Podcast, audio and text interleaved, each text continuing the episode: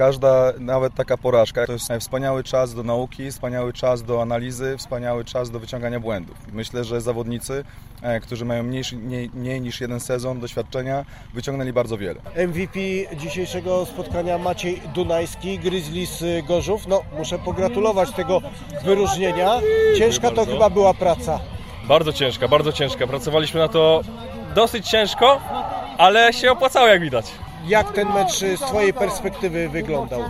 Fajny był, przyjemny, przyjemna przeprawa, z szacunkiem do przeciwników, wiadomo. Ładna pogoda przede wszystkim. No nie, no teraz pada. No teraz pada, ale właśnie nie było słoneczka, więc lepiej się piłki łapało. No i przede wszystkim mamy super quarterbacka.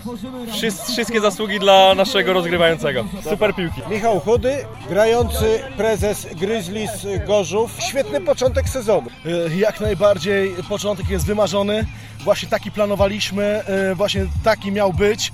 Powiem tak o, dzisiaj tak naprawdę pokazaliśmy 50-60% tego, co nas stać. Jeszcze nawet nie grało 10 podstawowych zawodników, także oczekujcie tego, co będzie za dwa tygodnie. Serdecznie zapraszam na mecz z Watachą, będzie się działo.